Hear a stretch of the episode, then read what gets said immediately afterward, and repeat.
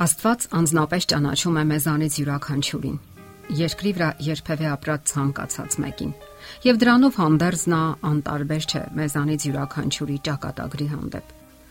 Նույնիսկ երբ մենք այնքան սխալներ ու մեղքեր ենք թույլ տալիս, երբեմն մենք միայնակ ենք զգում մեզ, բայց անկասկած է, որ նա միշտ պատրաստ է օգնության հասնելու անվանապես դիմելով մեզ։ Նա կոչ է անում, որ անվտանգ զգանք մեզ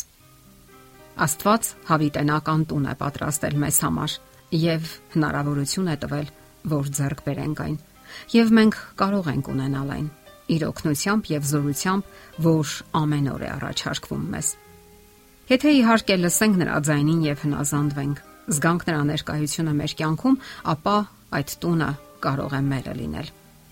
Ահա թե ինչու կարևոր է, որ վարվենք ու խոսենք այնպես, որպես թե նա ներկա է մեր կյանքում եւ նրան ենք հաշվետու եւ պատասխանատու։ Ցավոք մարդկանց մեծ մասը վարվում է այնպես, որպես թե Աստված ներկա չէ իր կյանքում։ Շատերը սիրում են գեղեցիկ խոսքեր ասել, սակայն նրանց կյանքն ու արարքները այլ բան են ասում։ Նրանց կյանքը չի համապատասխանում այն խոսքերին, որ նրանք ասում են, որովհետև մոռանում են Աստծո ներկայության մասին Մոռանում են, որ նա անվանապես գիտի բոլորին եւ առավել եւս հրաշալի գիտի մեր մարդկային թուլություններն ու անկատարությունները։ Հոգեբոր գրականության մեջ կարդում ենք. Հիսուսը գիտի մեզանից յուրաքանչյուրին եւ կարեկցաբար է վերաբերվում մեր թուլություններին։ Նա գիտի այն տունը, որտեղ ապրում ենք, նրա յուրաքանչյուր բնակչի անունը։ Նա երբեմն կոչ է անում իր ծառաներին գնալ այսինչ քաղաքը, այսինչ փողոցը, տունը, որpիսի այնտեղ գտնի իր գառներից մեկին։ Հետևյալ ուշագրավ պատմությունը հենց այդ մասին է։ Բժիշկ Ֆրեդերիկ Լումիսը մի անգամ հայտնվեց բարդ իրադրության մեջ։ Որպես բժիշկ նա պետք է շատ բարդ որոշում ընդուներ։ Թույլ տար խեղված երեխային ապրել, թե մահանալ։ Այդ որոշումն ընդունելու համար նա ընդամենը մի քանի վայրկյան ուներ։ Լուիսը բազմաթիվ ծնունդներ էր ընդունել, սակայն այս դեպքը տարբերվում էր մյուսներից։ Նորածինը գտնվում էր հետույքային առաջադրությամբ, որը լավագույն դեպքում նշանակում էր բարդ եւ վտանգավոր ծննդաբերություն։ Դրանից բացի երեխայի մի ոտքը կարճ էր մյուսից եւ նրա մոտ բացակայում էր ազդոսկրը։ Երեխայի մայրը մի փխրուն կին էր, ով առաջին անգամ էր հայտնվել հիվանդանոցում, ծննդաբերողների պալատում։ Նա անգամ չէր պատկերացնում, որ իր հիվանդ երեխան ամբողջ ուժով կենաց ու մահու պայքար է մղում։ Փակելով աչքերը բժիշկը մտածում էր. Արդյոք ես ճիշտ կվարվեմ, եթե մի որոշ ժամանակով դադարեցնեմ ծննդյան process-ը, որpիսի երեխան մահացած ծնվի։ Նա չգիտեր ինչպես վարվել։ Արդյոք այդ երեխան ավելորդ բեռ չի լինի իր փխրուն մոր համար։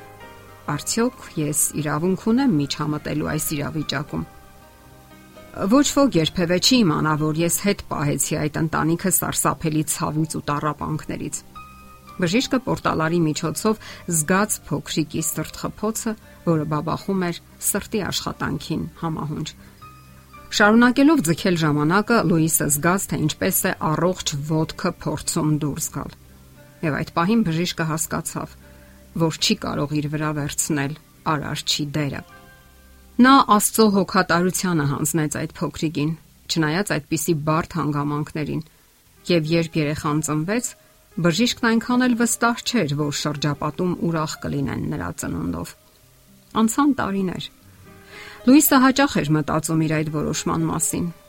Նա մտովի տեսնում էր, թե ինչպես են ծնողները հուսահատորեն եղանակներ որոնում, որpիսի կարողանան օգնել իրենց խեղված երեխային, ով այնքան էլ հարմարված չէր կենսական պայքարին եւ բժիշկը վստահ չէր, որ դա նրանց կհաջողվի, որովհետեւ ինքն արդեն ուներ նման փորձառություն, երբ դարձյալ խեղված երեխայի ծննդաբերությունից հետո ընտանիքը հայտնվել էր իրենց ուժերից վեր բեռան տակ։ Նա հաճախ էր ինքն իրեն ասում, որ հավանաբար ավելի շատ տարապանքներ է վերել այդ ընտանիքներին եւ դա իր մեղքն է։ Սակայն մի օր բժիշկ Լուիսը հոգու խաղաղություն զգաց։ Ամեն ինչ տեղի ունեցավ շատ անսպասելի ծննդյան արցակուրտներին նա հոսպիտալում էր։ Որպես կանոն նա հենց տոների ժամանակ էր առավելված զգում իրեն։ Նա չէր կարողանում գլխից դուրս հանել այն դժբախտ երեխայի պատկերը։ Այն ժամանակ, երբ ողջ աշխարհը տոնում էր երկրի վրա ամենահայտնի տոնակատարությունը, որը անվանվում է երեխայի ծնունդ, Լուիսը մտածում էր այն ցավալի ծնունդների մասին, որոնք ինքը երբևէ ընդունել էր։ Եվ ահա այդ տոնական միջոցառման ժամանակ ինչ որ մի պահ երկնային երաժշտություն լցվեց շինության ներսը։ Թվում էր, տխրությունն աստիճանաբար ծրվում է, քանի որ խաղաղ գիշեր երկի հնչյունները միշտ հանգստացնում էին իրեն։ Իսկ այդ պահին ինչ որ մեկը հենց այդ երգն էր նվագում քնարով։ Համերգից հետո նրան մի կին մոտեցավ։ Բժիշկ, ասաց նա հուզված։ Դուք հիշում եք ինձ։ Լուիս ուրشادիր նայեց կնոջը, փորձելով հիշել, թե որտեղ է տեսել, սակայն չկարողացավ հիշել։ Ներեցեք, ես հավանաբար ինչ որտեղ տեսել եմ ձեզ, սակայն չեմ կարողանում հիշել։ Միթե դուք չեք հիշում այն փոքրիկ աղջկան։ Մի ոդկը առողջ, մի ոդկը խեղված, որ ծնվեց 17 տարի առաջ։ Այո, ինչպես կարող էր ինքը մոռանալ այն աղջկան, թեպետ այդքան ժամանակ է անցել։ Նա չէր հավատում ականջներին։ Դա իմ աղջիկն է։ Իմ դուստրը բժիշկ։ Ես տեսա թե դուք ինչպես եք նայում նրան, երբ այսօր երեկոյան նա նվագում էր քնարի վրա։ Ոտքի փոխարեն նա պրոթեզ է կրում։ Նրա մոտ ամեն ինչ ստացվեց։ Հենց այդ պահին երիտասարդ աղջիկը մտեցավ իր քնարին եւ նորից նվագեց հրաշալի երաժշտությունը։ Իսկ Լուիսն այդ պահին մտորում էր կյանքի անհավատալի հիասքանչ ապարքեվի մասին։ Ամբողջ 17 տարի նրան մի հարց էր տանջում. արդյոք իմաստուն վարվեց ինքը, պահպանելով այդ երեխայի կյանքը։ Անկասկած է, որ այդպես էր Աստծո կամքը։ Բժշկի արդար որոշումն ու Աստծո կամքը այս դեպքում լիովին ներդաշնակ էին։ Եթերում է ղողանջ հավերժության հաղորդաշարը։ Ձեզ հետ է Գեղեցիկ Մարտիրոսյանը։